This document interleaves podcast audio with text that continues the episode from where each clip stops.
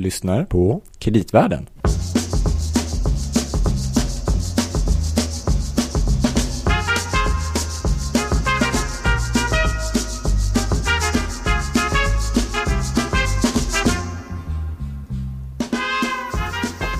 Ja, nu är det bråda tider, Louis.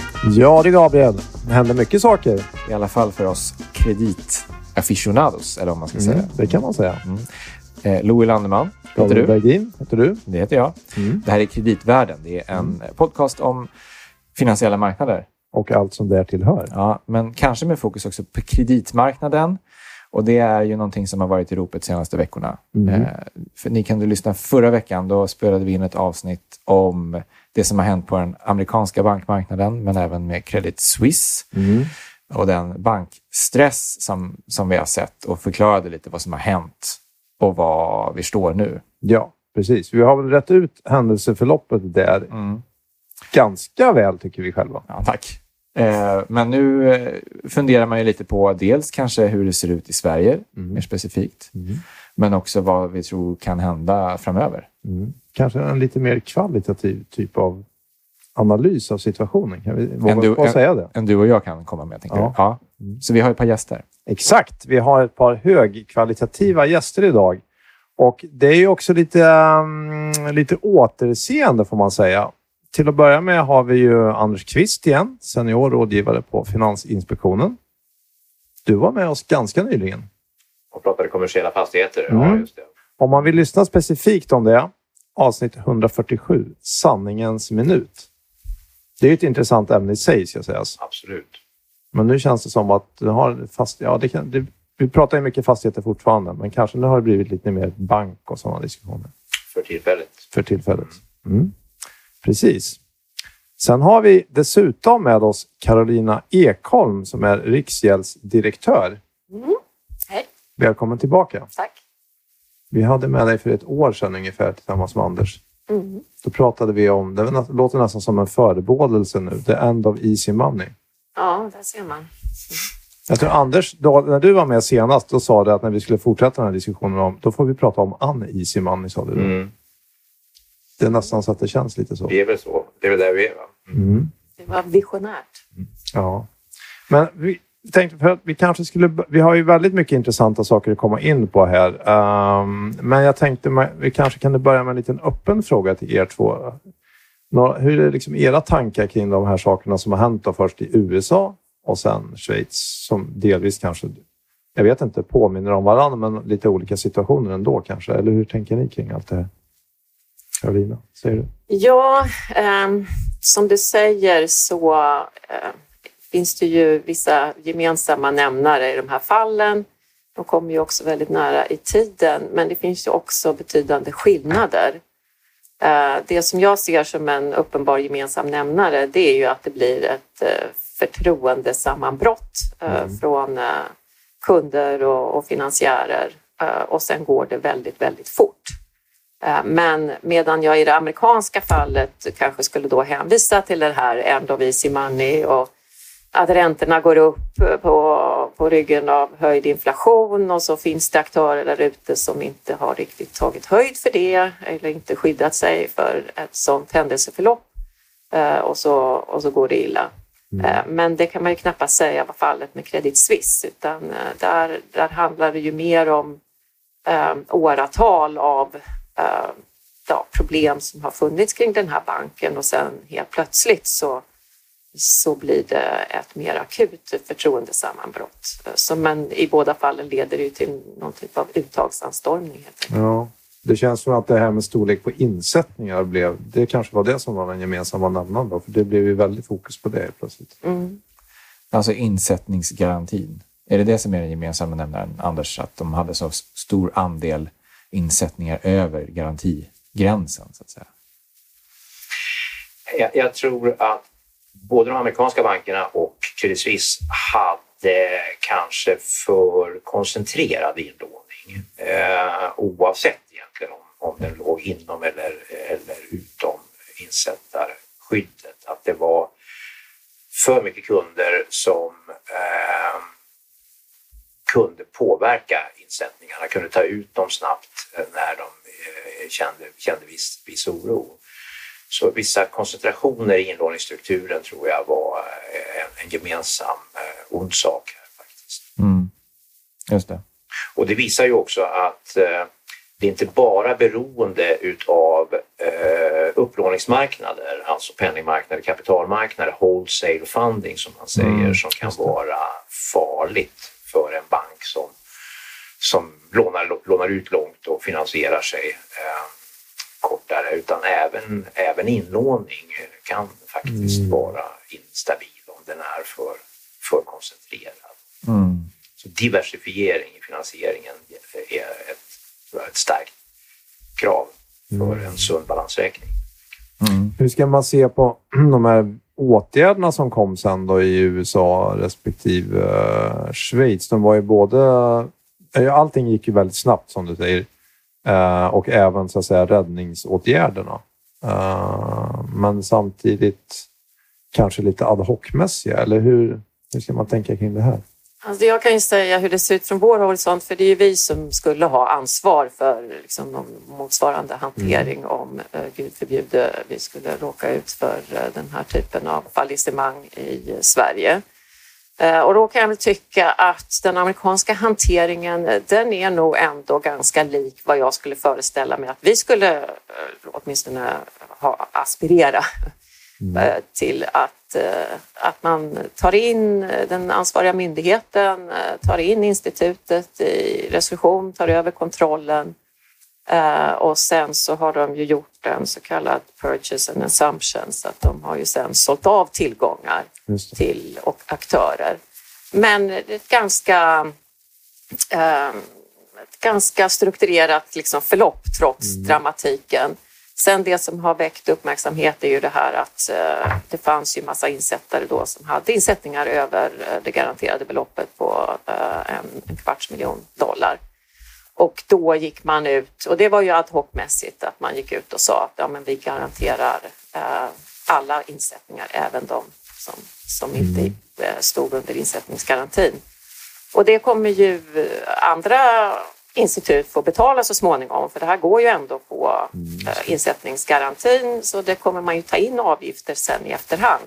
Mm. Så att det är ju ett sätt, en, det, är ju, det är ju inte en bailout om man säger så. Det är ju inte så att man direkt har skattepengar.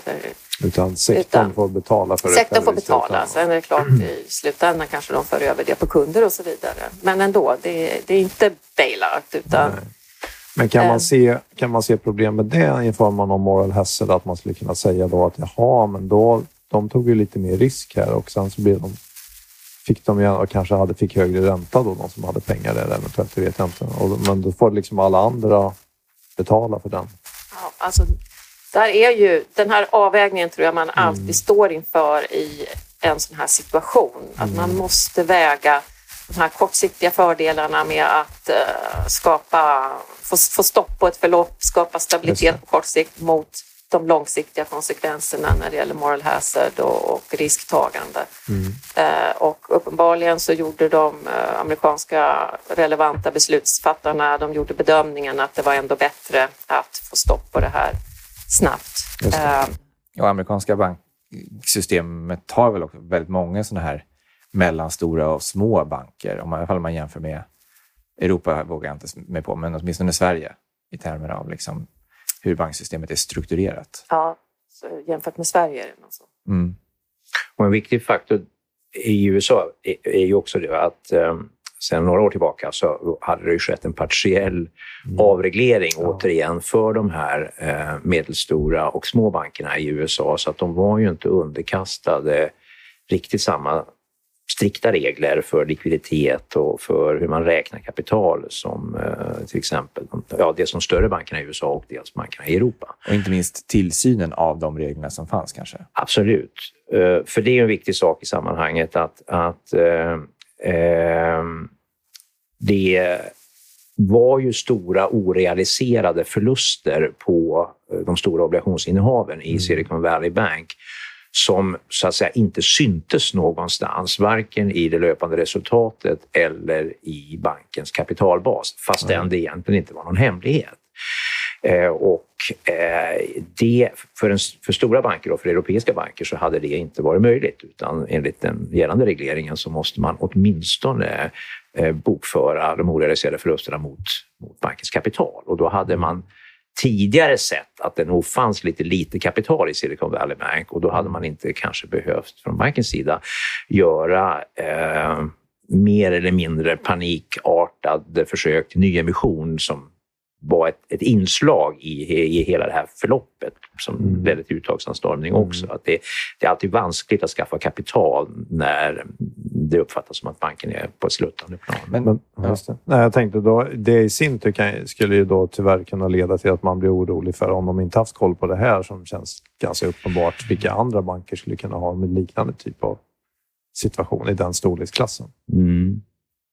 Jag kanske skulle bredda frågan och säga så här att, att vi, kan, vi kan diskutera olika tekniska brister men väldigt mycket i både Credit Suisse och i de här amerikanska bankerna som har råkat i svårigheter handlar ju om dålig banking. Det handlar om dålig styrning av risker, dålig styrning av företaget, affärsmodeller som inte är tillräckligt breda eller diversifierade. Mm.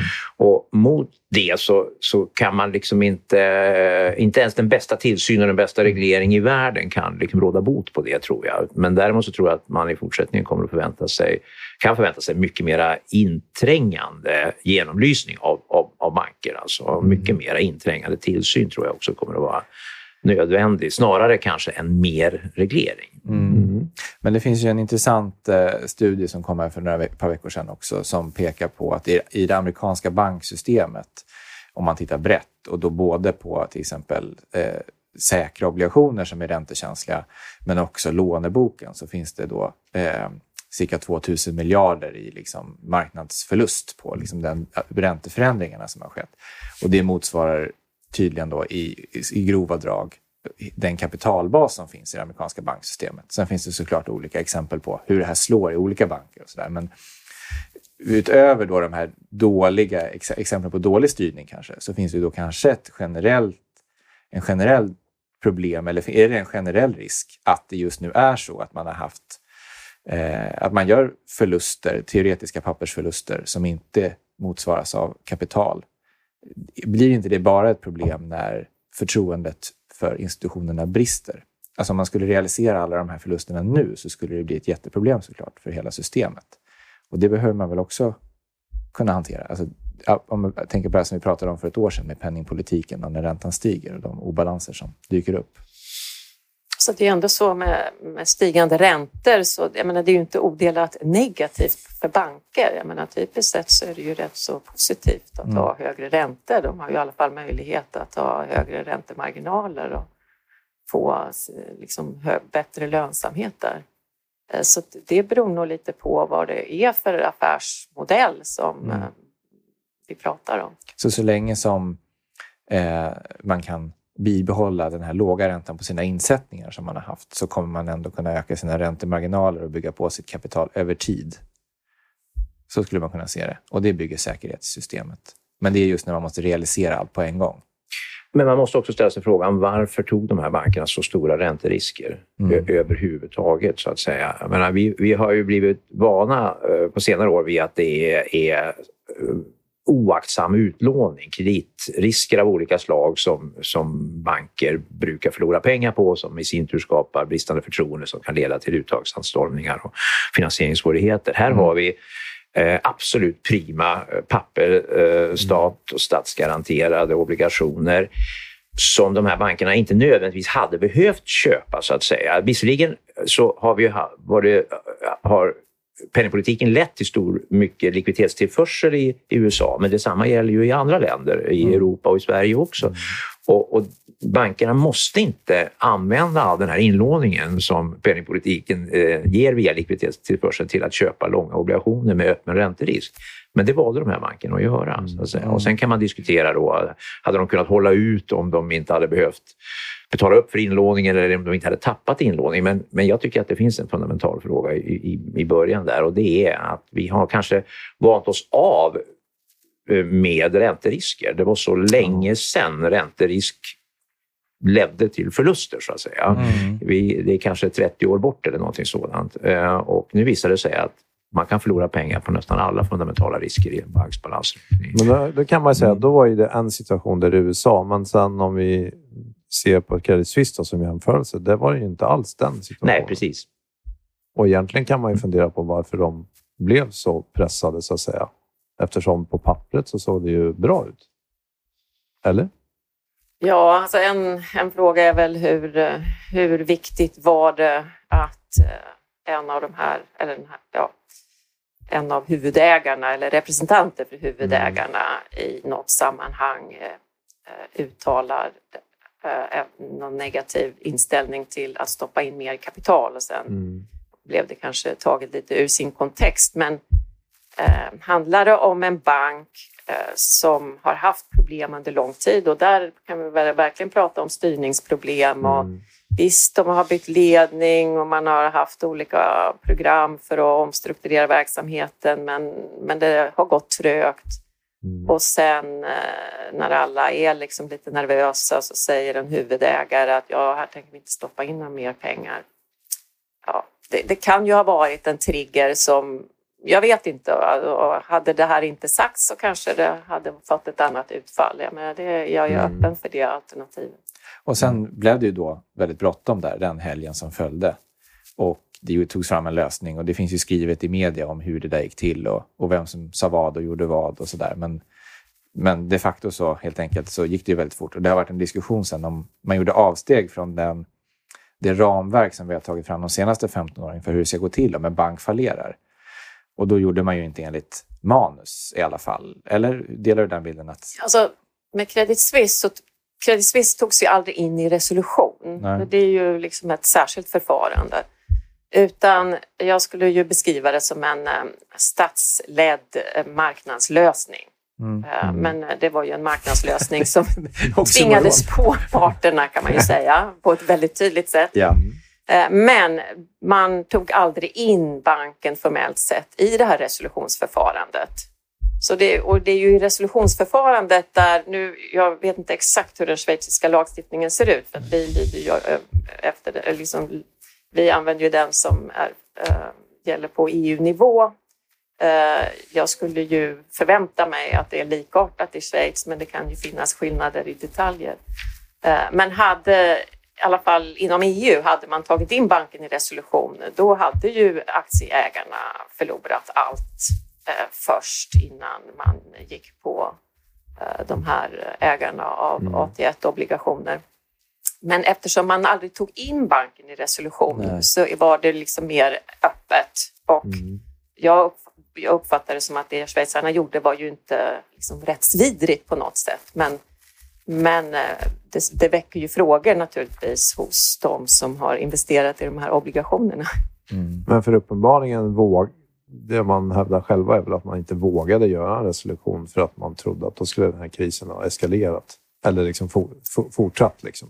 Man behövde ett övertagande av UBS och det behövde ske under den helgen. Ja, det, är men- det, det är de försvarsargument man har, Ja. eller de argument man Ja, har. men i resolutions, de resolutionsverktyg som man har då som resolutionsmyndighet så ingår det ju, man kan ju sälja eh, hela eller delar av den eh, bank som man har tagit kontrollen över. Eh, så att jag ser inte det som någon jättestor eh, skillnad och jag skulle nog säga att utfallet i det schweiziska fallet är ändå i mångt och mycket ungefär det som man skulle fått i ett resolutionsförfarande Mm. att man säljer banken till en annan aktör. Eh, Det har ju också rapporterats en del kring de här statliga stöden som utgick, men, Mm. men de är ju också av den här typen att, jag menar, dels så har ju UBS får ju ta förluster före den här statliga garantin Ja. kommer in och de får betala för den här statliga garantin. Mm, okej, just det. Eh, Så att, så att det är återigen, skulle jag nog säga att den underliggande principen är ju att man inte ska låta skattebetalarna betala för det här utan det. det är de här aktörerna ändå som har uh, finan, liksom, ja, ägare och, eh, eh, och långivare till banken. Eh, och det är ju ändå den grundprincipen som, som resolutionsförfarande bygger på. Så jag är inte säker på liksom hur stor skillnaden är där. Nej. Och men, men du har ju rätt i att det verkar ju absolut så som att de inblandade, eh, deras uppfattning var att vi vågade inte ha ett formellt resolutionsförfarande. Men varför de eh, uppfattar det på det sättet, det vet jag inte riktigt. Nej. Men det har, för sen har det varit mycket diskussioner kring de här så kallade AT1-obligationerna. Då man har sagt att de blev nedskrivna till noll medan aktieägarna fick en del pengar och då säger man att så här får det väl ändå inte gå till. Men rent tekniskt, nu beror det naturligtvis på vilken typ av situation det är och det är väl det här man debatterar. Men det är i sig så kan man väl säga att det finns fall där man faktiskt kan göra på det viset.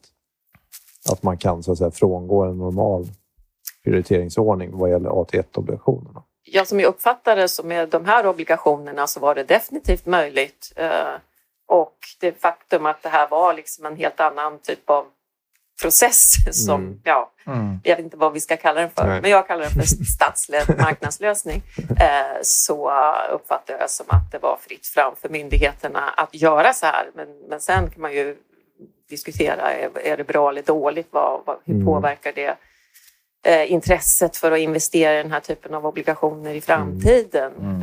Ja, men återigen så är väl det här att man står inför vad gör vi nu på kort sikt för att stabilisera situationen? Vad får det för konsekvenser för incitamenten på, på lång sikt? Men Anders, det är väl tveklöst så att kostnaden för den här typen av kapital på bankernas balansräkning kan lär ju öka, åtminstone om man tittar på marknadsreaktionerna på det som hände med Credit Suisse. Så, så är det. Alltså, eh, krisbredden på sådana här AT1 eh, vidgades med ungefär 300 baspunkter eh, till följd av eh, det som skedde i, i Schweiz. Att, att innehavarna blev helt nedskrivna. Och då är vi uppe i, i kostnader för att emittera sådana här någonstans på 8-10 procent eller så och mm. kanske mer. Det är fortfarande mindre än avkastningskravet på aktier. Ja, men det är väsentligt dyrare än tidigare. Ja. Och det leder till lite olika eh, marknadsreaktioner. Nat naturligtvis, eh, till att börja med så följer värdet så att säga på alla AT1 eh, av det här. Det blev eh, även sådana som är emitterade av, av eh, banker som absolut inte rimligen riskerar att hamna i samma situation som Credit Suisse. Eh, och även där eh, avtalsvillkoren, eh, nedskrivningsvillkoren är eh, annorlunda än de schweiziska. Mm. Det ska man också kom, komma ihåg. Va? Men alla dras över en kam i, i en sån här situation. Mm. det leder då också till, eftersom de här instrumenten är eviga men Eh, har eh, i allmänhet en femårig period eh, efter, vilk, efter emission när, när, man kan, när emittenten kan inlösa obligationerna och det är liksom underförstått att så ska ske. Mm. då har det nu blivit så pass dyrt att emittera nya och ersätta gamla, gamla sådana här AT efter fem år att, att risken för att emittenterna kommer att inte kommer att återbetala är, är väldigt hög. Eh, och då betyder det att, att placerarna blir så att säga, de fastnar i de här eh, i förlängningar eh, som visserligen ger en något högre ränta än tidigare men ändå fortfarande är lägre än, än eh, de här 8-10 procenten som är så att säga, marknadsvillkoret på eh, det här med, med, på de här instrumenten. Så att eh, risken, riskerna har ju generellt sett ökat uppfattar marknaden och nu är frågan om det är, är ett övergående fenomen eller är det, ett, eh, eller är det någonting långsiktigt strukturellt som gör att AT1 mm. inte kommer att ha samma efterfrågan. Nej. Och där, där, det är för tidigt att säga helt enkelt. Men just nu så är det, är det för dyrt att emittera. Helt ja, det, det var väl en eh, tysk min, eh, bank som valde att inte kalla. Att inte kalla och några banker till har aviserat liknande. Och det, det är helt enkelt därför att de, eh, det skulle vara för dyrt. Mm.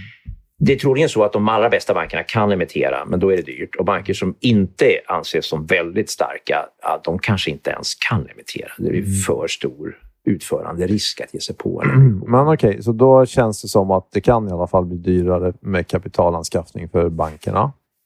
Men om man tänker vidare kring det som har hänt nu då. Eh, det finns i alla fall vissa som har hävdat att när det blir, eller hur ska man säga, så länge som banker ändå i sin natur är ganska högt belånade så kanske vi kommer att ha sådana här typer av situationer och nervositet som tid till annan. Och en, den enda lösningen på det är egentligen att kräva att banken har ännu mer kapital. Hur tänker ni kring det? Jag är för.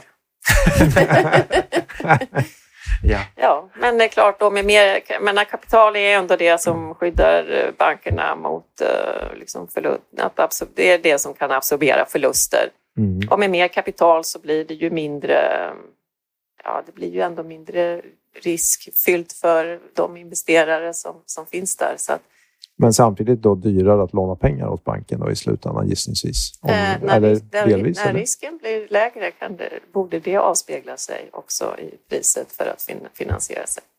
Både med lån och, Mm. och Ja. aktiekapital. Men samtidigt kommer banker alltid att vara eh, företag med, med hög belåning. Det kommer Jo, man, det kommer Nej, man liksom det är ju inte hela ifrån. affärsmodellen. Det är hela liksom. affärsmodellen. eh, och eh, jag tycker att man kan... Det, det, är, inte alldeles uppenbart att slutsatsen eh, av vare sig Credit Suisse eller de amerikanska fallissemangen är att det, att det var för lite kapital. Eh, utan, men, men det som är uppenbart är att det var för dålig likviditetsstyrning. Att det var eh, att man un, underskattade riskerna för att, du, för att inlåningen Ja. försvinner. Det är det ena, den ena, det ena problemet. Och det andra problemet är att det fanns inte tillräckligt med eh, likvida tillgångar på, eh, i balansräkningen trots att det i de amerikanska bankernas fall rörde sig om statsobligationer och statsgaranterade papper som var fullt belåningsbara i, i centralbanken och så. Så att jag tror att, att en uppenbar slutsats måste vara att, att man ser över likviditetsriskregleringen. Och att Men man alltså man- stresstestar hårdare Precis. för uttag, Precis. eh, att man har ännu högre krav på eh, likvid, eh, omsättningsbarhet eh, i, eh, i likviditetsreserven. Likviditetsbuffertar. Ja. För relaterat till den frågan, i den här digital, nya digitala världen, har det gjort att den här likviditetsrisken har ökat? Eller skulle du fortfarande hävda att det här var bankspecifika problem? Och det är inte, det är inte liksom... För att det, man, en känsla är att det har gått så fort i båda fallen. Man, vissa säger i alla fall att så här fort har det inte gått tidigare. Det har gått ganska fort. Det är Twitters fel. Du kan stänga ner Twitter. Nej, men troligen är det så att eh, i, åtminstone i vissa, lite grann beroende på hur kundstrukturen ser ut, så är Mm. det så att både lättheten att öppna ett nytt bankkonto och sen föra över pengar från den bank som du är lite rädd för till det nya bankkontot, eh, har, att det har blivit enklare, det har spelat roll, men sen också möjligheten att sprida budskapet, alltså ta ut era pengar via sociala Mm. medier har naturligtvis eh, förbättrats, om alltså Ja. underlättats avsevärt. Eh, så det, det är faktorer man måste ta med Det är skillnad på att stå i, en kö runt kvarteret än att gå in på sin mobil och Ja. trycka på överför. Ja. Samtidigt så har man kunnat göra det ganska länge. Så Ja. att ja, det, frågan är om inte skillnaden jämfört med 2008 och 2009 kanske snarare är sociala medier än det är liksom, eh, detta med Mm, internet så att man sprider rykten snabbare, så Ja, att- just det. Att, att För budskapet nästa steg i digitaliseringen är, man pratar ju om det här med e-kronor. Mm. Det skulle kunna accentuera det här problemet. För då skulle du ha en valuta som är... Då vet du så här, ja, men det här är garanterat av Riksbanken. Så då flyttar jag direkt mina pengar till det om det blir det minsta skakigt. Så det kanske man får tänka till på. Ja, alla tittar på mig då. ja, nej, men jag är, väl inte, jag är lite skeptisk just till de här digitala centralbanksvalutorna när det gäller finansiell stabilitet. För absolut, man kan ju tänka sig ett sådant scenario. Men jag tycker man kan tänka sig, det är lätt att, att föreställa sig två scenarier när det handlar om digitala centralbanksvalutor. Det ena är att ingen vill ha dem just där- därför att man, ja, bankerna erbjuder bättre villkor kanske ändå ger lite ränta på transaktionskonton. Eh, och då är frågan, vad är poängen med dem? Eller så precis det här scenariot som du är inne på. Man tappar liksom förtroendet för, eh, för ja, privata banker och då flyttar all inlåning över till eh, centralbanken. Eh, och det, då uppstår ju frågan, vad, hur ska den här kreditintermedieringen se ut? Mm. Vad ska, vad ska centralbanken göra på tillgångssidan på sin balansräkning? Och var, var ska bankerna hitta finansiering för sin utlåning? Mm. Eh, och, och det verkar ju absurt om det skulle bli så att centralbanken ska då köpa bankobligationer för att finansiera bankernas utlåning. Jag menar det, Mm.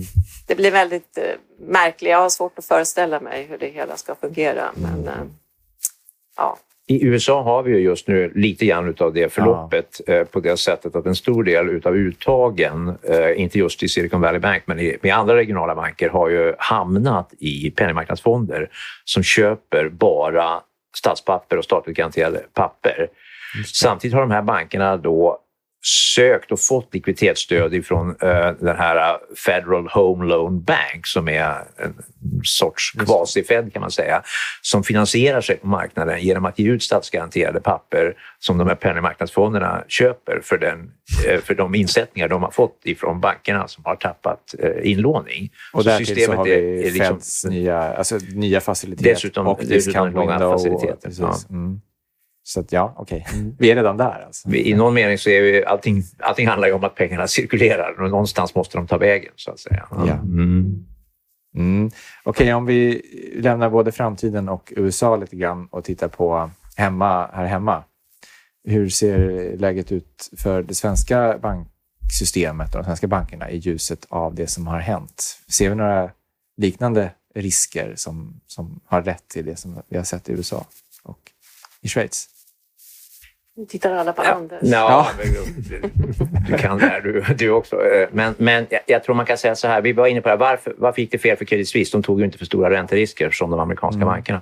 Nej, men de har tagit för stora andra risker. De har haft för volatilt resultat. Eh, De har inte, en, en, eh, Credit Suisse hade inte en, en diversifierad affärsmodell i, med, med så att säga, tillräckligt många intäktskällor av olika slag som antingen var låg risk eller, eller oberoende av varandra. Då. De svenska bankerna, de svenska storbankerna har ju i det avseendet eh, en, en mindre risker. De har mindre aptit för volatil intjäning. De har mindre tradingverksamhet, mindre investment banking-verksamhet.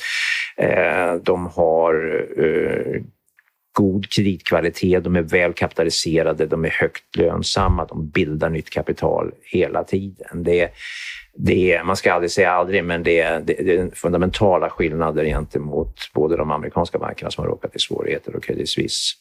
Mm.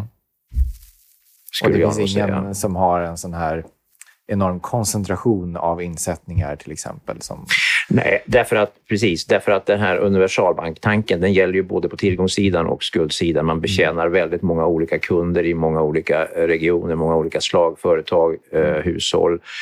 Och då får du en mycket bredare inlåningsbas också eh, som, som inte reagerar på, korrelerat på samma sätt som om du är väldigt beroende av en bransch till exempel som, som insättningskunder. just det. Mm. Vad är, finns det några andra, är det några andra saker här i Sverige som vi bör hålla extra mycket koll på? Då? Eller vad har vi för typ av sårbarheter om man säger så? Eller är vi stabilare helt enkelt i, i det stora hela? Nej, men det är klart att det finns sårbarheter i det svenska banksystemet ändå. Det, eh, men, men det handlar ju om koncentration i, eh, i utlåningen, fram, framförallt i kommersiella fastighetsbolag. Eh, Men, eh, men även där gäller ju att eh, sättet att låna ut, sättet att ta säkerheter, eh, fokusera på kassaflöde i bedömningen och ta kreditrisk eh, spelar roll för att liksom, hålla, hålla nere de här riskerna ändå. Och sen de här andra fördelarna med god lönsamhet, starkt kapital i ryggen gör ju att de svenska bankerna, när till exempel Finansinspektionen stresstestar dem även för stora eh, potentiella förluster på, på den kommersiella fastighetsmarknaden, ändå står stabilt där. Och det satte ni ju in för ett par år sedan också, Ja. riskviktsgolv relaterat till den här branschen. Att, höjde kapitalkraven specifikt på utlåningen till kommersiella fastighetsbolag eh, och, och då är resultatet av det är att även, även mycket stora förluster som under tuff stress skulle kunna tänkas uppkomma där eh, har bankerna tillräckligt med kapital för att, att absorbera. Så att det kan finnas risker på den kommersiella fastighetsmarknaden i Sverige men kanske inte systemiska för svenska banksystemet Nej. i andra hand. Just så. Så att inte faran är över för, för delar av så att säga, svensk finansmarknad. Men däremot kanske de svenska, framförallt storbankerna. Då. Mm. Just det. Men vi pratade ju förra året. Då hade vi ett litet frågetecken kring det här, the end of easy money. Och nu kan vi slå fast då kanske att det frågetecknet kan vi stryka. Men i i det här nya penningpolitiska läget och fortsatta räntehöjningar som det verkar, ska vi, ska vi tro att det kommer att ske fler sådana här fallissemang, då, om man kallar det för det. Men nu kan vi prata även utanför Sverige. Då, men... Alltså jag tänker väl, och det kanske var det vi pratade om förra gången, att när man, när man går från ett stabilt läge mm. till något nytt som vi inte riktigt vet hur det kommer se ut. Vi är liksom fortfarande ändå i någon slags transition till något nytt. Eh, då så kan det absolut visa sig att det finns aktörer där ute som har eh, inte tagit höjd för att saker och ting skulle kunna ändras. Mm. Eh, så det har ju varit en del andra fall eh, också där det har eh, skakat till på liksom lite olika delar av finansmarknaden. Och, alltså det kan man väl inte utesluta att det händer saker och ting. Men jag tror att man, när man pratar finansiell stabilitet, då handlar det ju väldigt mycket om förlopp som blir som ett självspelande piano. Liksom det blir självförstärkande effekter som gör att man går ner sig i någon sån här spiral. Mm. Och det är ju det som vi från myndighetssidan hela tiden försöker vara på att se om det finns sådana tendenser. För då, då, är ju vår, då, då tänker ju vi liksom agera för att få stopp på de här förloppen. Mm. Uh, och där har vi ju, som jag uppfattar det, ändå efter globala finanskrisen uh, verktyg som vi kanske inte hade tidigare eller åtminstone är vi medvetna om att vi har verktyg som vi kan mm. använda för att få stopp på sådana här processer. Mm. Och det, så det tycker jag inte att man skulle behöva vara orolig för att det inträffar. För att eh, det borde vi kunna undvika. Däremot så kan mm. enskilda aktörer absolut fallera för att man har, ja, man sitter fel helt enkelt. Ja, just det. Är det inte så att eh, Easy Money medförde risker för den finansiella stabiliteten som inte bara rör de mest uppenbara, eh, vad ska vi kalla det för, räntekänsliga aktiviteterna som kommersiella fastigheter och bolån och sånt där, utan till exempel en sån sak som att banker vill ta, vill ta ränterisker. Det hade man kanske inte, inte riktigt tänkt på som en, nå, någonting som skulle kunna vara resultatet utav, utav den lätta penningpolitiken och som skulle kunna leda till risker då när, när eh, den här, de här lättnaderna avvecklas. Men sen är det väl också det att situationen har accentuerats av att det är inte en vanlig... En, säga, det är inte en lugn och fin avveckling utav easy money som eh, centralbankerna får lov att göra nu. Utan, utan nu ska man alltså med, nu ska man resolut eh, försöka säkerställa prisstabilitet genom att kväva en, eh, ett väldigt besvärande inflationstryck samtidigt eh, som, eh, som man ska försöka måna om finansiell stabilitet. Så jag tror, jag tror nog att behovet av att strama åt penningpolitiken har, har gjort att den finansiella stabiliteten så att säga, hamnar lite grann i farozonen och att det blir, mm. det blir så att säga, fler, flera skelett som ramlar ut ur garderoberna än vad som hade varit fallet om man hade kunnat avveckla den lätta penningpolitiken lite mera eh, lugnt, lugnt och fint utan att behöva eh, strama åt så hårt. Men, och, och dörren, garderobsdörren är väl inte helt vidöppen än heller för att jag tänker att det är bara alltså det är fortfarande betydligt mer likviditet i säg, det amerikanska banksystemet mm. än innan pandemin kvar. Även om det har varit uttag och insättningar och allt det här som vi pratat om så är, vet vi väl ännu inte kanske riktigt hur det slår innan det är klart. Du menar att det kan bli ännu värre, Gabriel? ja, det, jag tänker att jag ställer frågor, men jag tänker att egentligen så har ju den här eh, avvecklingen av den expansiva penningpolitiken som inte är kopplad till räntan mm. är ju inte färdig genomförd i USA. Sen, eller Sverige heller kanske? Eller Sverige för den delen. Men däremot så är väl frågan vad som händer med styrräntan och sånt. Det är, ju, det är mycket mm. det som är fokus just nu. Kommer man kunna höja räntan i samma takt som man hade tänkt eller behöver man mm. pausa tidigare? Och, och sett i ett lite längre perspektiv så kommer ju rimligen bankinlåningen att minska om eh, penningpolitiken så att säga konsekvent mm. eh, dras åt och likviditetstill, likviditetstillförseln eh, förbyts i sin, i sin, mots, i sin motsats. Så att säga. Mm. Nu har vi kommit ner till en situation där inlåningen inte ökar längre, men den har ju fortfarande, efter att ha ökat väldigt mycket under mm. perioden av easy money. Och nu, nu får vi se vad som händer härnäst. Va? Men det, det att det skulle bli mindre inlåning, det var, det var nog ganska givet när man började strama åt. Men att, det skulle, att vi också skulle få uttagsanstormningar som liksom accentuerar det, det hade väl inte så många förväntat sig. Nej. Um, jag kan väl tycka att eh, det blir ibland väldigt förvirrat kring när man pratar om um, penningpolitik och finansiell stabilitet. Och jag tror att eh, det finns väl en risk att i det här läget, ja, det finns ett behov av att strama åt penningpolitiken för att eh, få kontroll över inflationen. Men samtidigt så händer det saker och ting som gör att även centralbankerna behöver ju agera eh, för att undvika att man får sådana här nedåtgående spiraler som hotar den finansiella stabiliteten.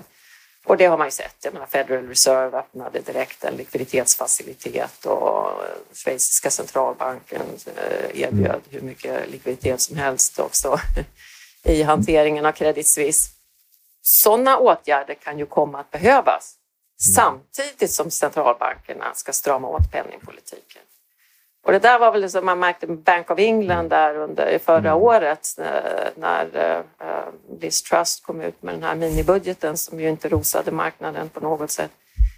Då hade de ju deklarerat att de skulle ägna sig åt quantitative tightening och så var de tvungna att gå ut och köpa statspapper direkt. Och det blir väldigt mm. så förvirrande för att man, det ser ut som man gör, går åt motsatta håll. Men, mm. men det är ju för att det finns liksom man måste skilja på egentligen vad gör man av penningpolitiska skäl mm. och vad är det för åtgärder man vidtar för den finansiella stabiliteten. Eh, och där är det ju liksom Federal Reserve, de, de har ju en tradition av att vara ute och liksom handla på marknaden och, och verkligen köpa tillgångar. Då. Eh, och det är, inte så, det är ett väldigt marknadsbaserat finansiellt system. Men jag tänker att här i Sverige så är det ju har vi större möjligheter att, att um, utföra den här funktionen av att vara lender of last resort som ligger ju på centralbankerna. Det är ju ändå en slags uh, mm. kärnverksamhet. Uh, det kan man ju göra genom uh, aktiviteter som riktar sig just till bankerna där man tillhandahåller likviditet mot säkerhet. Så det... Men man, man, kan, men man kan ändå kanske säga att räntemarknaden har blivit ganska skör i sin likviditet efter de här stödköpen då, som man tidigare gjorde, som har tagit bort ganska mycket av volymerna som fanns på marknaden. Så då är jag väl, antar jag, att man är mer sårbar kanske. När det händer saker. Ja, alltså jag ser det ju från den svenska statspappersmarknadens horisont och där, där är det ju absolut så att mm. Eh, den marknaden har ju eh, kommit att fungera på ett tydligt sätt sämre och, och sen, eh, ja, de här tillgångsköpen är ju en faktor i det hela men, men det, det, finns ju andra faktorer också som har med bankreglering och sånt att göra. Eh, men visst, så är det ju. Att när man har en sån stor spelare inne på de här marknaderna så påverkar det ju hur de fungerar. Men där finns det väl ändå lite hopp då med tanke på att, att Riksbanken aktivt kommer att sälja statspapper nu, vilket innebär att det tillförs papper till marknaden. Mm. Den så kallade free floaten kommer att öka och, och, och, det kommer att generera förhoppningsvis större intresse bland olika investerare ja. och, och, men möjligtvis så kommer vi tillbaka till en, höja en bättre Men möjligtvis leda till att räntan går upp. Mycket, eller det vet vi inte i och för sig, kanske inte så mycket kan vi hoppas, men det finns den risken då kanske? Ja, men då blir det återigen en marknadslösning. När, mm. när statsobligationsmarknaden fungerade bra, då var det ju så att säga fri, fri räntesättning, utbud och ja, efterfrågan på de här instrumenten. Nej, men och sen mm. tolkar väl jag kommunikationen från Riksbankens sida som att jag menar, skulle det skaka till på grund av att de tillför papper till marknaden så kommer de ju att revidera ja. sin plan. De kommer ju inte eh, bara sitta med armarna i kors och åse att eh, priserna går hit och dit, utan de kommer nog att anpassa eh, den här tillförseln efter hur marknaden tar emot det. Just det. Ligga nära marknaden. Men det, är, ja, det blir ytterligare några spännande saker att följa då. Mm. Ingenting är över förrän det är över, så att säga. Eller vad? Ever. jag, jag vågade inte säga, använda riktiga talesättet på engelska. ja. Jag förstår inte vad du menar. Nej. Ja, nej. Det finns mycket att hålla utkik efter. Mm. Eh, den här perioden som vi är inne i är inte slut. Så kan man formulera sig. Eh, och det finns mycket att hålla span på. Mm. Vi kanske behöver kalla hit Anders och Karolina igen redan innan det har gått ett helt år till. Vi får se. Det är inte omöjligt, men det kändes extremt bra att få hit er och en uppdatering och att jag har lite bättre koll på läget nu känner jag i alla fall. Mm. Och vad man ska hålla utkik efter. Mm. Och hur det ser ut i det svenska banksystemet. Ja, känns ju ändå lite hoppfullt som sagt. Ja, tryggt kanske. Tryggt. Ja. Men eh, Gabriel, Ja. vi, eh, vi brukar ju ha en låt. Och du pratade ju lite grann om det tidigare, att eh, du indikerade att det här är inte över. Nej, precis. Mm. Mm. Och i dessa tider, man kanske ändå ska spela en blues, tänker jag. Ja, ja, Lite så. ja. Vi, vi jobbar ju på kreditmarknaden här. Så att, Ja. ja. Men jag hoppas ju att inte bli sandspådd i den här då, men det finns ju en låt med Cab Mo som heter The Worst Is Yet To Come. Mm. Vi skulle ju kunna lyssna på den. Och det här då får stå för dig, inte Mm. våra gäster. I have a bad, bad feeling. Ja. Ja. Nej. Vi hoppas att det inte blir så. Eh, vi passar bara på att säga att vi har ju en e-mailadress som är brev.kreditvärden.se. Mm. Eh, och vi finns ju på Twitter, Kreditvärden. Så att funderar man på någonting, man tycker att eh, man har massa följdfrågor på det här, Mm. hör av er så ska vi se till att eh, göra poddar och annat om det. Mm. Och tills vidare så tackar vi Carolina och Anders Tack så mycket. så mycket. Och ni som har lyssnat också. Mm. Tack själv, Gabriel. Tack, hej då! Hej!